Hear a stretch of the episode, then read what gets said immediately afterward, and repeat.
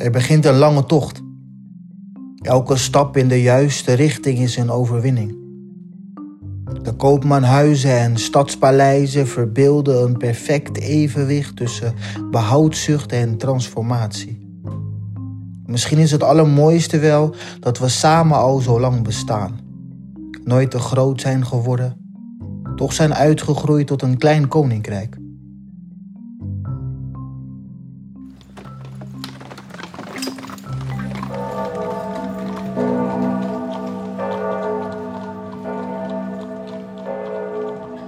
Het is een warme dag in augustus 1870.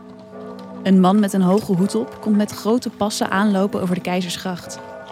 Hij is predikant. Het is een jonge man van 32. Hij stopt bij nummer 72, een keurig herenhuis. Het huis dat nu zwart geschilderd is. Op de plaats waar nu het linkerraam zit, zat vroeger de voordeur. De man haalt diep adem. Hij ruikt de bedwelmende geur van de gracht en paardenstront in hartje zomer. Hij hoort het geratel van de karren, van de dienstmeisjes die op de stoep de matten aan het kloppen zijn. Hij is weer in Amsterdam, de stad die hij goed kent. Hij had getwijfeld of hij wel naar Amsterdam moest komen. Want hij weet zeker dat hij sommige mensen hier razend zal maken. Maar nu hij hier op de gracht staat, weet hij het zeker. Hij, Abraham Kuyper, heeft werk te verrichten. Zijn missie is groter dan hijzelf. Hij loopt de trap op de deur zwaait open en daar staat zijn vrouw, Jo. Zij en de kinderen zijn er al. Alle hutkoffers, dozen, pakken en meubels, alles is al naar de hoofdstad verhuisd. Abraham, of Bram, zoals zijn vrouw hem noemt, is overgehaald om hier predikant te worden. Voor de Nederlandse hervormde kerk, de grootste kerk van Nederland. Preken, dopen, bij de zieken op bezoek gaan, bij het gewone volk in de armste wijken, de oostelijke eilanden, en de arbeiderswijk achter zijn huis, de Jordaan. Deze mensen zijn gewone mensen, kleine luiden, zoals Abraham ze noemt. Voor die mensen doet Abraham het. Zij hangen nog het ware geloof aan. Zij zien de Bijbel nog voor wat het is: geen historisch document, maar een woord van God. Abraham moet toegeven dat hij er niet altijd zo over dacht. Ooit was ook hij een modern predikant. Maar na zijn studie in Leiden komt hij erachter dat de kerkleiding en het kerkvolk totaal iets anders willen.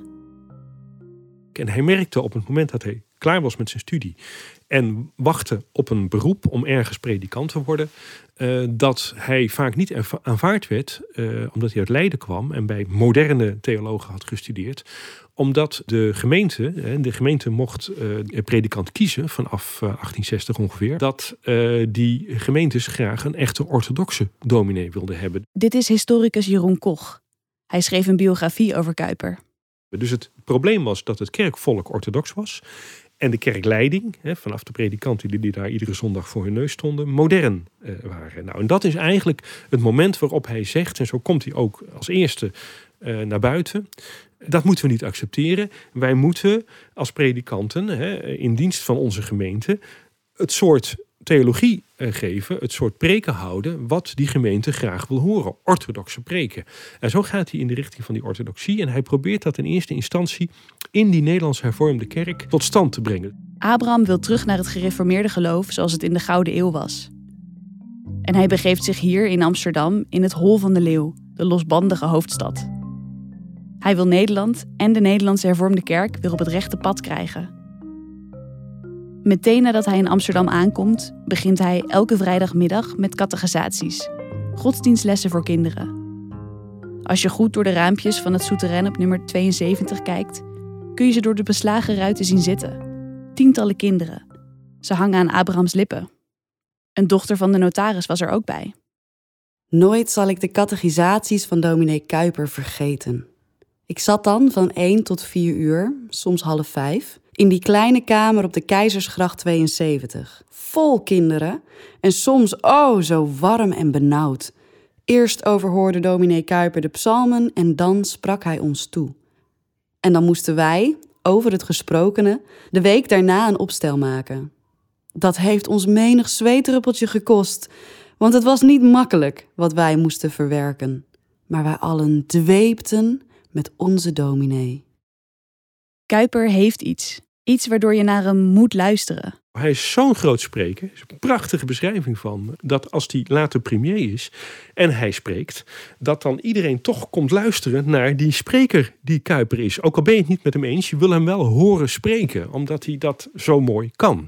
Nou, hij, hij doet dat ook en dat is ook onderdeel van hem, omdat hij charisma heeft. Kuiper heeft een missie en hij werkt zich drie slagen in de rond om daar te komen. Dus hij had zijn hele leven ingericht eigenlijk uh, op zijn werk. En dat was een hele strakke inrichting, een hele precieze inrichting iedere dag. Omdat hij uh, met al het enorme harde werken als student en als jonge uh, predikant al een paar keer overspannen was geweest. En op een gegeven moment raakt hij totaal overspannen en vlucht hij naar het buitenland om bij te komen. En dan komt hij terug.